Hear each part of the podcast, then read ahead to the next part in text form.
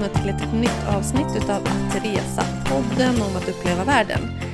Det är jag, Lisa Falåker, som skriver bloggen livetfråndenljusasidan.se och så är det jag, Annika Myre på resfredag.se. Och vi befinner oss på Clarion Hotel Amaranten i Stockholm där vi sitter i varsin hotellsäng och poddar ikväll. Och det tackar vi för. Ja, bästa poddsängen alltså. Det här avsnittet ska vi prata om eh, något som kan vara inspirerande eller avskräckande. Vi får se. Vi ska prata om att resa till överskattade ställen, för det känns lite som att alla har ju varit med om det. Till alla ställen man åker, på alla semestrar och resor, så har man någon förväntning. Man ser framför sig att man ska få en fantastisk strand eller en vacker stad eller en, eh, ett härligt ställe med jättegod mat. Och så kanske inte blir så. Vad var det de snackade om? Jag håller inte med. Ja, de där resebloggarna eller de där resereportagen eller det där tv-programmet eller filmen som man har sett på och som man har inspirerats och sen tänker att man ska få exakt samma upplevelse när man kommer dit. Ja, det får man ju liksom aldrig. Alla upplevelser är ju helt individuella och det där borde man ju ha förstått vid det här laget. Men anledningen till att vi pratar om det här är att vi läste i en Facebookgrupp där det var en fråga om vilket är det mest överskattade stället du har åkt till? Och det blev så mycket svar i den här gruppen. Det var så himla intressant. Alltså, så mycket svar, men allting var individuellt. Varje grej som någon skrev var det någon som skrev. Då har du varit på fel ställen i det landet eller vad var det som var fel där? Eller åh, jag har varit där och det var min mest fantastiska resa. Det var himla rolig läsning faktiskt. Ja, och det kan man ju känna igen sig jättemycket själv, tänker jag. Jag hade ju åsikter om alla de ställena jag hade varit på. Av de här ställena höll jag inte riktigt med om. Eller så gjorde jag det. Men vi kör så får vi se vad ni lyssnare tycker om alla de här ställena.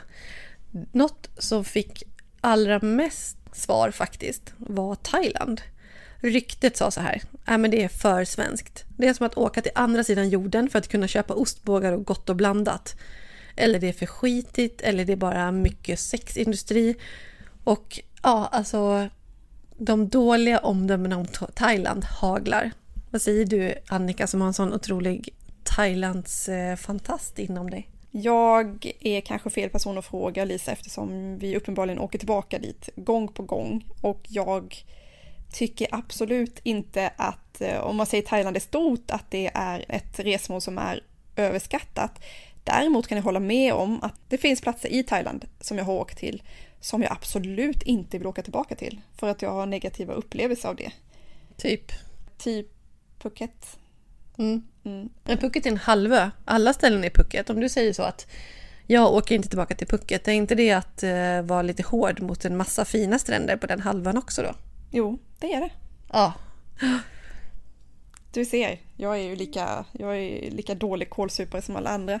Däremot så tycker jag då till exempel att Kolanta, som vi brukar åka till, där kan jag hålla med om att är man inte svensk barnfamilj, då kommer man inte ha det kanske så jättekul på norra delen av ön eftersom där är det svenska barnfamiljer. Och det får man då vara medveten om när man åker dit. Har man de behoven och har barn som går i svensk skola och man vill bo härligt och lättillgängligt eh, med en schysst pool, ja då kan man åka dit. Vill man inte ha det, vill man ha djungel och apor, då åker man till ja, längre söderut på ön eller till en helt annan ö. Ja, men precis. Man får ju vara medveten om vad det är man faktiskt kommer till. Man får inte ha orimliga förväntningar. Och Thailand, alltså, ja, Thailand är superstort. Och sen är det alltid någon som ska så här, lägga upp de här djungeldestinationerna eller Chiang Mai var jättebra. Men jag tror att de som är besvikna på Thailand, de har nog kanske åkt till någon strand och förväntar sig någonting annat. Men eh, ja, jag, jag förstår ändå att Thailand till viss del kan ha dåligt rykte, för det finns ju ställen där som inte är jättecharmiga. Men ja, jag är också en Thailands älskare. Så jag, jag kommer inte säga att de som säger att Thailand är dåligt har fel, men eh, mm, jag vet inte. Skitigt, ja men det är väl klart, alltså, det är ju inte samma sophantering i den här typen av länder som det är hemma i Sverige. Sexindustrin, ja men det kan man ju inte säga någonting om, det är ju fullkomligt vidrigt. Men det är ju inte överallt man ser det heller. Ostbågar och gott och blandat, alltså nej, det finns mer ostbågar och gott och blandat på många andra ställen. Då tycker jag att man kanske har siktat lite fel. Jag kommer fortsätta åka till Thailand. Mm. Punkt slut. Jag med. New York då? Att New York som alla älskar, mitt New York som folk säger. Man åker dit och man älskar den här staden. Det finns ju inget bättre i hela världen. Det är huvudstaden i världen kan man nästan tycka. Och alla kommer dit och skapar sin egen story med New York och älskar det och från första stund, typ. Men i gruppen så stod det. Är det så överskattat? Det är skitigt. Fattar inte grejen. Vi har ju en specifik New York-älskare här i det här rummet just nu så att vi Ja. har ägnat ett helt avsnitt i ett tidigare avsnitt av Att resa podden om just New York. Mm. Nej, men jag tycker att New York är ju fantastiskt. Allra första gången jag var där blev jag inte riktigt sådär Åh, nu älskar jag New York och det är det bästa bästa, utan det, det tog lite tid så. Jag ville lära känna stan och det är väl lite så att det är ju faktiskt ganska överväldigande. Och det är ju inte så att man går in och ställer sig någonstans och New York liksom droppar ner över en från liksom väggar och himmel och tak att bara säga okej nu kommer New York till dig utan du måste nog ändå komma till New York och försöka lära känna stan lite grann eller ta dig runt på ställen som har det som du vill ha. I New York-avsnittet pratar vi bland annat om att bara gå i Central Park och landa där och tycka att det är vackert och härligt och coolt med skyskraporna runt omkring. Ja, men är det det du vill ha, då ska man kanske vara där. Vill man ha neonljus och eh, jättemycket turister spelar ingen roll för att du vill bara känna att du är någonstans där det är väldigt många andra människor. Ja, men då hänger du vid Times Square, men det hatar ju någon annan. New York är stort, det är lite svårt att förstå sig på, det är överväldigande, så jag fattar. Ja, och jag har ju faktiskt den bilden. Jag har varit där två gånger samma sommar och fick inte, var nästan besviken för att jag inte fick den berusande känslan som alla pratar om. Att jag tänkte om det var något fel på mig, att inte jag hade fattat grejen. Och så behöver det ju inte vara. Allting är det ju individuellt och min egen uppfattning. Jag trodde nog att jag skulle glida in där som typ Carrie i Sex and the City och bara äga stan. Det gjorde jag inte. Du ägde inte stan. Nej. Men jag tänker, när jag var till New York här nu i våras och vi pratade om det och jag skrev såklart om det på bloggen en del, så var det någon som kommenterade att ja, jag har aldrig varit i New York och jag trivs ju egentligen bäst på landet, men ja, det kanske är så att jag ändå måste åka till New York någon gång. Och till den personen vill jag säga att nej, kanske inte måste åka till New York. Alltså, det ser ju ut som det gör på filmerna och det känns som det gör det. Och tror man inte att det är någonting för en själv så ska man kanske inte göra det. För att alla andra säger att du måste åka dit. Nej, för att om det inte är vad man söker, om man hellre vill gå i skogen och insupa syre, då är det nog inte New York som du ska åka till. Så mycket kan vi väl konstatera. Ja, verkligen. Nästa destination som fick oerhört mycket skit, måste jag säga ändå. Billigt talat att det är skitigt där. Det är Bali. Precis. Som vi faktiskt också har ägnat ett helt avsnitt här. Ja. Skitigt, jag tycker det är intressant för skitigt återkommer flera gånger. Vi började med att nämna New York och vi nämnde Thailand och för båda så var kommentarer skitigt och Bali skitigt. Ja men, ja, men jämfört med vad då? Jämfört med Katrineholm? Då är Eller- det nog det. Nynäshamn, hur är det i Nynäshamn? Är det rent där? Det är faktiskt jätterent. Nej men många skriver ju faktiskt skitiga stränder, vilket också är när vindarna vänder på lågsäsong så dras det ju in massor med skit på stränderna. Och det har inget med Bali som land att göra utan det är ju vi andra människor som kastar massa skit i haven så att det råkar blåsa upp på Balis strand. Ja, ja men lite så. Nej men Bali, eh, ja stränderna är inte kristallklara och det kanske man har en förväntan om att då åker man till ett paradis med stränder. Men det är inte det som är Balis eh, starkaste sidor, det är det inte. Eh, och skitigt, ja alltså sophanteringen i Asien i de flesta länderna, typ Singapore undantaget och såklart vissa typ Taiwan och andra ställen kan jag tänka mig. Absolut. Men om man pratar Sydostasien så är det generellt jättesmutsigt. Det ligger sopor på vägar här och där. Det lagas mat ute i gatstånd som ser ut som att de har sett sina bästa dagar för decennier sedan.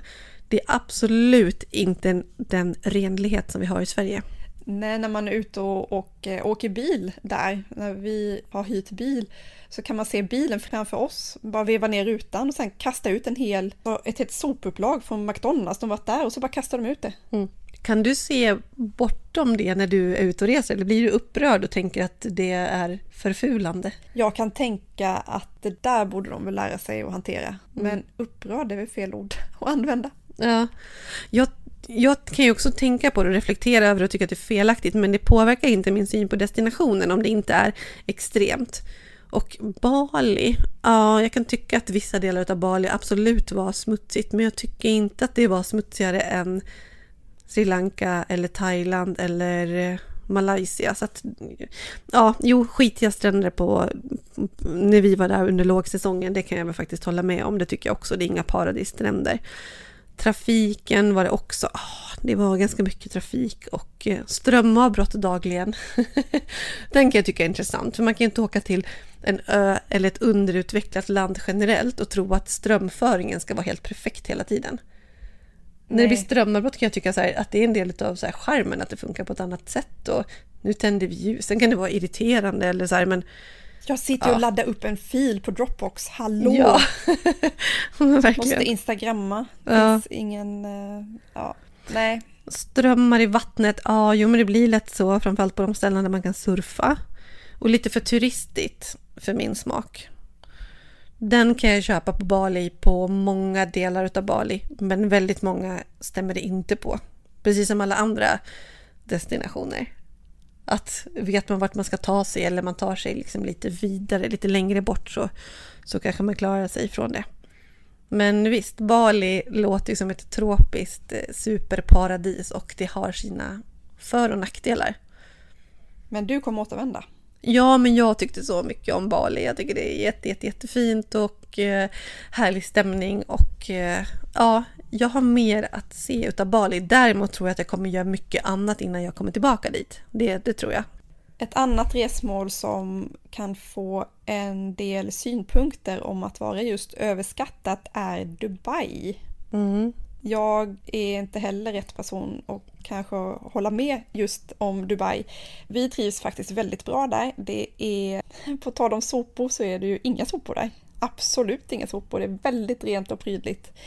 Sen kan jag förstå att folk som är ute efter genuina resmål kommer tycka att hela Dubai ser ut som en nöjespark i USA. Alltså, från början var det öken. Nu är det uppbyggt med hjälp av människohänder. Liksom. Det här genuina som folk vill ha, om de nu vill ha en liten regnskogsby i Amazonas, det finns inte i Dubai. Det ska man vara medveten om. Ja, men verkligen. Eh, jag frågade faktiskt vidare i de diskussionerna vad förväntningarna var, för att en upplevelse utav någonting och inte minst ett resmål blir ju baserat på de förväntningar man har. Man tycker ju inte att någonting är överskattat om man inte har en viss förväntan och har hört någonting om det. Och jag undrar lite grann vad man har hört om Dubai då, men förväntningar om fina stränder. Mm, alltså det finns ju olika stränder i Dubai.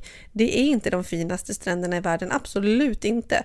Dessutom så har du några public beaches, alltså så här öppna offentliga stränder eh, de är inte de finaste. Sen har du några privata och de kanske inte är de vackraste på det sättet heller, men de är ju ofta lite folktomma, kanske lite lyxiga, sköna solstolar, så att på det viset så kan ju det finnas. Men nej, det är ju inte direkt eh, Aruba hur det nu ser ut på Aruba, det stod väl också med som ett överskattande jag tänker efter. Ja, ja. Bon Air däremot, grannön, var väldigt genuin enligt den här gruppen. Och ja. det kan jag hålla med om, det är väldigt fint där. Ja, du har varit där? Ja. Ja, du ser, du har varit överallt. Eh, det med allt konstgjort som du säger, det är det ju. Långa avstånd, ja det ska man vara medveten om att det är faktiskt långa avstånd i Dubai. Men det innebär också att du kan vara i en viss stadsdel eller på ett visst ställe och det känns som ett eget ställe. Jag gillar till exempel Dubai Marina som jag tycker att det är jätte, jättebra att bo i och att vara i. Då behöver man nästan inte åka någon annanstans om man inte vill åka på sightseeing specifikt eller åka och uppleva någonting helt annat än det man har där. Men som turistmål eller som destination så tycker jag Dubai Marina skulle hålla liksom för sig själv så. En sak som jag har läst och hört andra prata om med Dubai, en anledning till att folk blir chockade av att åka dit kan ju vara att det inte serveras någon alkohol på ja, alla ställen. Man vill ha sin drink och man vill sitta och, på semester och man vill ha det gött liksom. Ja. Men det måste man ju också, hallå du kan inte åka till en kultur där man inte dricker alkohol och förväntas att det ska serveras till dig precis när du vill och hur du vill. Nej, så är det. Men ett insider-tips är ju att på hotellen så, så kan det lösa sig. Ja, visst ja. finns det lösningar för det mesta. Men eh, sant.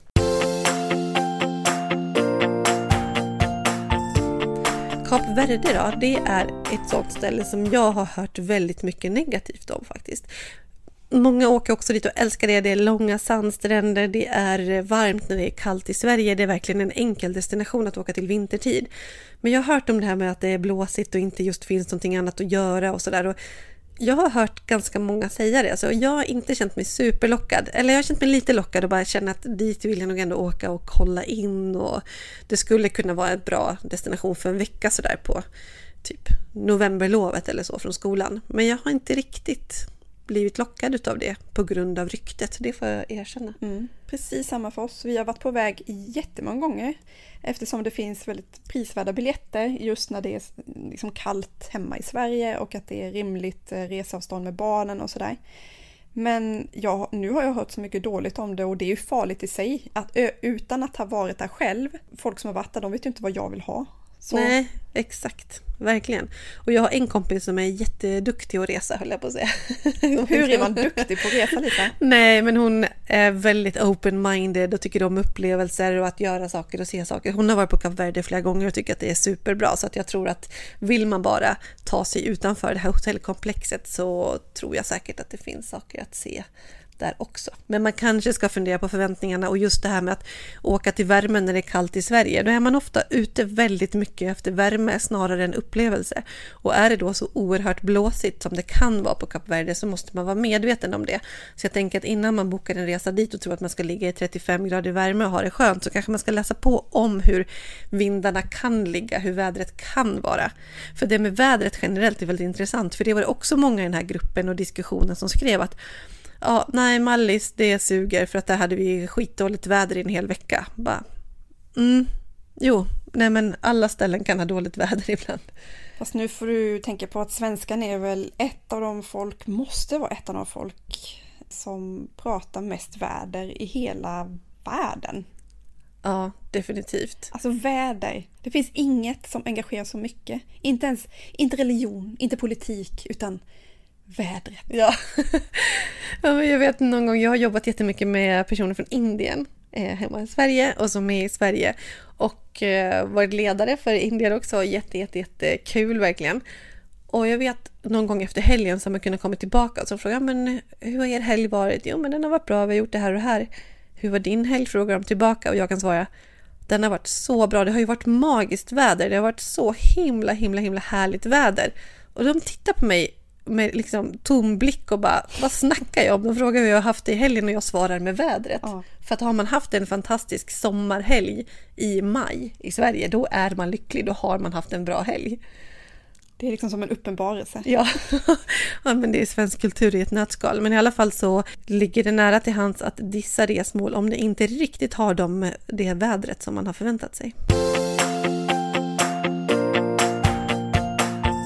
Los Angeles då, en annan sån lite otippad tycker jag i det här sammanhanget. Lite som New York liksom. Los Angeles. Tycker inte alla om att vara i Los Angeles? Nej, vet du, jag har hört jättemycket dåligt om det från många olika håll, alltså under lång tid. Mm -hmm. Att de tycker att Los Angeles är överskattat. För att, och då är det väl återigen saker som man eh, ska vara medvetna om innan man kommer dit. Trafiken. Alltså trafik, trafik, trafik. Det är supermånga filer, körfält och folk sitter i bilköer i timmar. Och allt bygger på att man har bil. Man åker liksom inte kommunalt till LA utan det är uppbyggt på att man har mm. en bil. Verkligen, det är stort och platt och det är sjukt långa avstånd.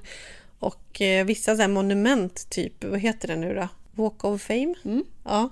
Tänker mig att det ska vara en sån himla stor grej om man åker och tittar på det. Men sen helt plötsligt bara, jaha, det var den här gatan och det är därför folk står här och fotar. Men det är egentligen ingenting, det är en trottoar med handavtryck. Ja.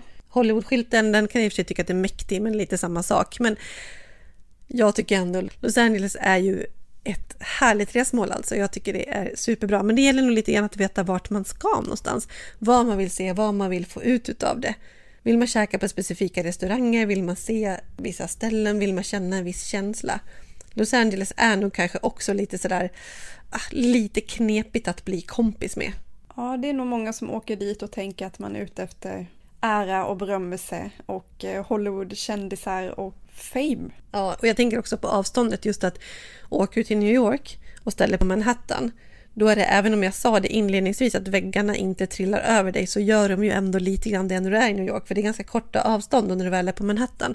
Los Angeles är inte det, utan där får du kämpa lite mera. Men om man väl gör det så är det hur bra som helst. Och jag läste nyligen, eller lyssnade på Träningspodden som jag lyssnar på, det är Jessica Almenäs och eh, Lovisa Sandström, Lofsan, som är PT, som är också bekant och kompis till oss två. Och hon hade läst på, var nyss i Los Angeles för första gången tror jag det var. Och hade läst på ordentligt och tagit en massa tips och åkte runt och gjorde alla, alla de bästa sakerna. Och hon älskade det oändligt kändes det som. Ja. Och det är också då, vad gör man för research innan? Vad är det man vill ha ut av resan? Hon till exempel var där för att kolla in träningstrender och de flesta träningstrender föds ju i Los Angeles och då få vara mitt i det här där allting händer. Alltså vad har du för intresse? Åker du dit för att kolla träningstrender eller är du där för att kolla på historiska monument? Ja, då kommer du bli besviken. Men exakt. Och hon pratade också om att hon köpte så här jättehärliga smoothies. Det hade hon sett fram emot att göra. Så här riktigt coola med, eh, ja, jag vet inte vad hon pratade om, men en massa små shots i de där, typ, sa hon kol? Aktivt kol. Ja, aktivt kol. Svindyra Ja, de. typ så här, åh, kostar typ 200 spänn. Och har man förväntan att man ska åka till Los Angeles och leva på en asiatisk budget, då tror jag att det blir väldigt, väldigt jobbigt att köpa en smoothie för 200 kronor. Är man däremot inställd på det och man vill verkligen gå på det här stället som har aktivt kol i sin smoothie, då tycker man kanske att upplevelsen är värd det i alla fall. Ja, men precis. London är ju också ett resmål som många har väldigt mycket åsikter om. Jag älskar inte London till exempel.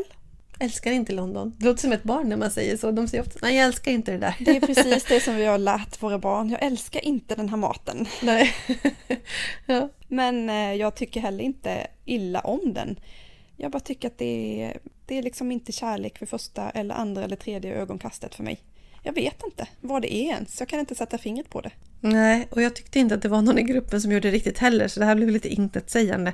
Skitigt, omysigt, omodernt och fastnade inte för stan är lite allmänna uttryck. Men jag kan förstå det. Det, det är faktiskt ganska stort, lite svårt att ta till sig det är lite skitigt, det är lite ruffigt. Där förväntar man sig europeisk eh, huvudstad, storstad och att det ska vara ganska som hemma. Men det känns lite omodernt. Det är liksom lite små hus, små restauranger. Där kryper väggarna lite grann inåt. Det är lite ruffa gränder på sina ställen. Du har Themsen, alltså floden som flyter genom stan och den är ju inte, du känner inte för att hoppa i och ta ett bad direkt, det gör man inte. Jag har en svåger som kallar England och specifikt London då för typ Europas u-land. Han tycker att det är så fascinerande att fortfarande elda med kol och ha så här gasspis och bara, vad heter det, bara ett fönster, ett lager fönster, vad ja, säger man? exakt. Nej, jag vet inte vad man De säger. De har inte tre lagers fönster i alla fall, utan ja. det, är, det, är kallt och blåsigt i lägenheten och ganska dålig standard på mycket av, eh, ja, på boendena. Men jag vet inte. Jag, jag,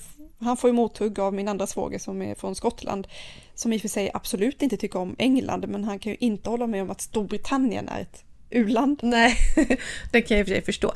Jag tror att London också är sånt där som man måste lära känna och det är olika stadsdelar som har olika eh, saker som tilltalar olika personer helt enkelt.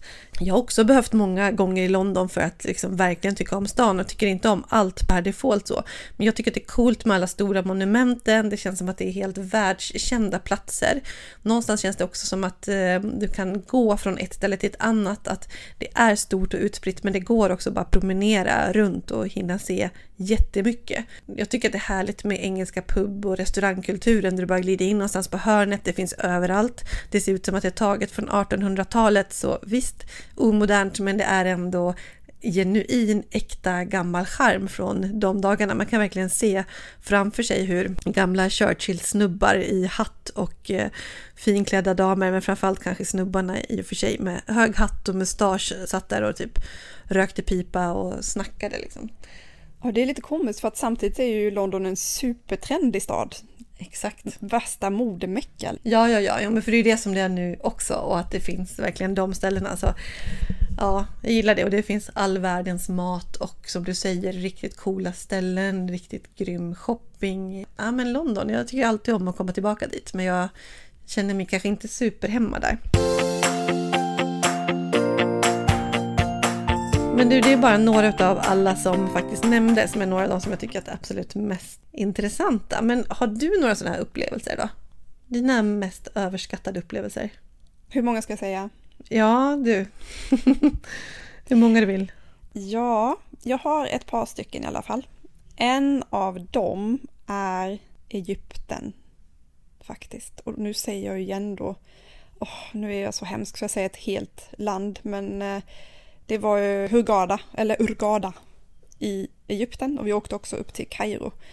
För mig så var Egypten, jag såg framför mig, älska historiebeskrivningar och få, tänk, och få komma till de här pyramiderna och få komma till den här kulturen och vet, Indiana Jones typ. Och så kom jag dit och det var så mycket försäljare som var så otrevliga. Alltså så påträngande och jag, jag förstod mig inte på kulturen riktigt. Att, alltså, försäljningskulturen ska jag tillägga. Att inte känna av de här nivåerna, nej, jag vill inte. Och då är det någon som ska, ska fråga en liksom 50-100 gånger till om jag vill mm. köpa mm. någonting. Sluta. Och sen är det att allting är, alltså i de här turistorterna så är allting uppbyggt så att det är exakt likadana butiker på rad som säljer exakt likadana souvenirer. Alltså du hittar tio stycken precis likadana i rad. Det är inte så himla charmigt. Vi var där på charter, jag och en kompis, en vecka. Och efter ett par dagar ville jag hem och jag är väldigt ovan vid den känslan att inte känna att jag vill vara kvar. Så pass till och med. Det finns ju däremot många som åker dit år efter år efter år, samma hotell och liksom verkligen mm. Och det ska vara otroligt fint, dykvatten till exempel. Ja, just det. Ja, du då? Åh, jag tycker det är svårt, men det är väl för att jag har den där förmågan eller inställningen att jag ofta ser det som är positivt på ett ställe istället för att fokusera på det som är sämre. Jag tycker att Costa Rica var ett drömresmål för mig och ett som jag hade hört jättemycket om. Men när jag var där så blev det inte perfekt. Jag älskar inte det. Och nej, varför? Men, varför? Nej, men jag vet att vi hade rest mycket i Asien innan och förväntade oss nog att backpacka på samma sätt och att prisläget skulle vara hyfsat detsamma. Men det var ganska svårt att resa runt på det sättet att det inte fanns just några lediga boenden som låg i billig prisklass och ändå var rimligt. Liksom. Det var så mycket amerikansk turism där. Så det kändes tillrättalagt. Jag ville åka på vanliga lokalbussar och så ville jag ta in på något skyffe som ändå var nice liksom. Men det, det fanns inte. Och då, alltså det var, det var nog det som var mina förväntningar så att jag tyckte att det blev ah, lite svårt. Sen var jag gravid med vårt första barn. Jag var typ vecka 20 någonstans. Var kanske inte orolig men någonstans var det ju en ny situation och jag bossade liksom inte över det. Och jag kanske kände mig mer otrygg i det än vad jag trodde och så var det liksom, ja men då blev inte känslan riktigt rätt. Jag tyckte det var bra och jag är säker på att jag skulle älska det om jag åkte tillbaka idag. Men utifrån den situationen såväl som förväntningarna och det kanske framför allt hamnade om, handlade om budgeten och hur enkelt det var att hitta boende, det vill säga att vi hade jättesvårt att hitta bra boende. Att det är sånt liksom och att jag ville åka på mitt sätt från ett ställe till ett annat. Men det var så här, nej men du köper den här turistbiljetten och så går den här bussen från punkt A till punkt B och det kostar 250 kronor. Ja, men de som bor här betalar 5 kronor och jag vill åka på det sättet. Det spelar ingen roll om det tar längre tid. Ah, nej, men det går inte. Alltså det var, du är turist, det här gäller för dig och jag ville inte ha den rutten. Det där är så intressant för att Costa Rica är ju ett av mina absolut bästa resmål, eller mm. bästa resor som jag har haft. Men då kan du tänka att jag åkte dit och hälsade på en kompis som bodde där, som hade bott där i flera år. Jag var där i sex veckor och vi bara, hon visade mig liksom värsta smultronställena, nu säger jag det igen, alltså ställen som inte turister åker till. Mm.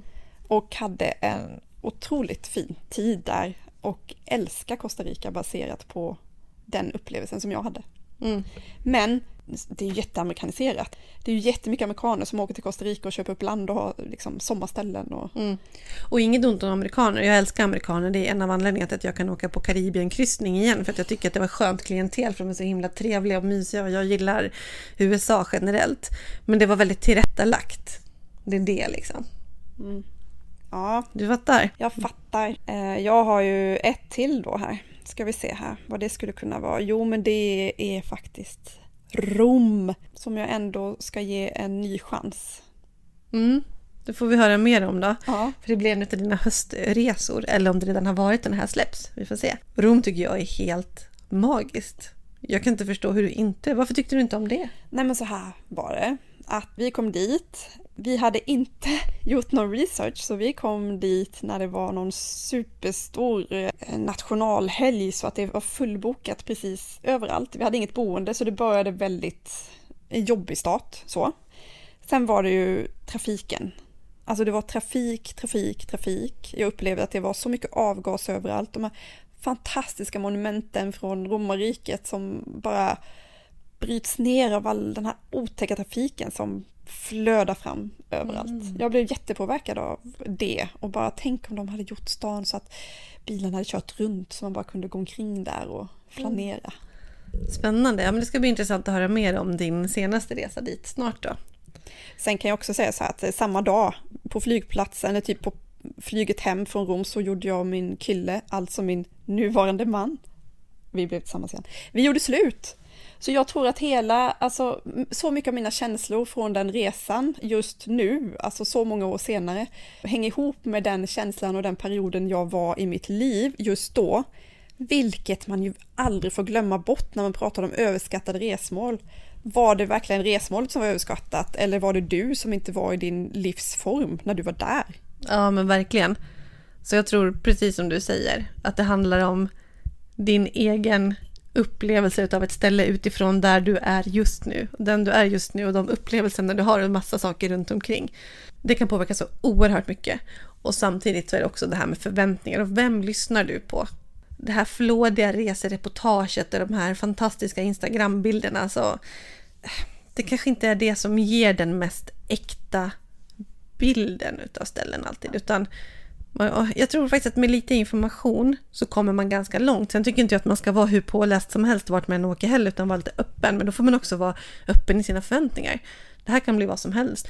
Så nej, de här vykorten som visar det absolut mest fantastiska och som är redigerade eller filtrade till max, jag vet inte. Är du med och brassar på den här bilden av resmålen genom din blogg, Lisa?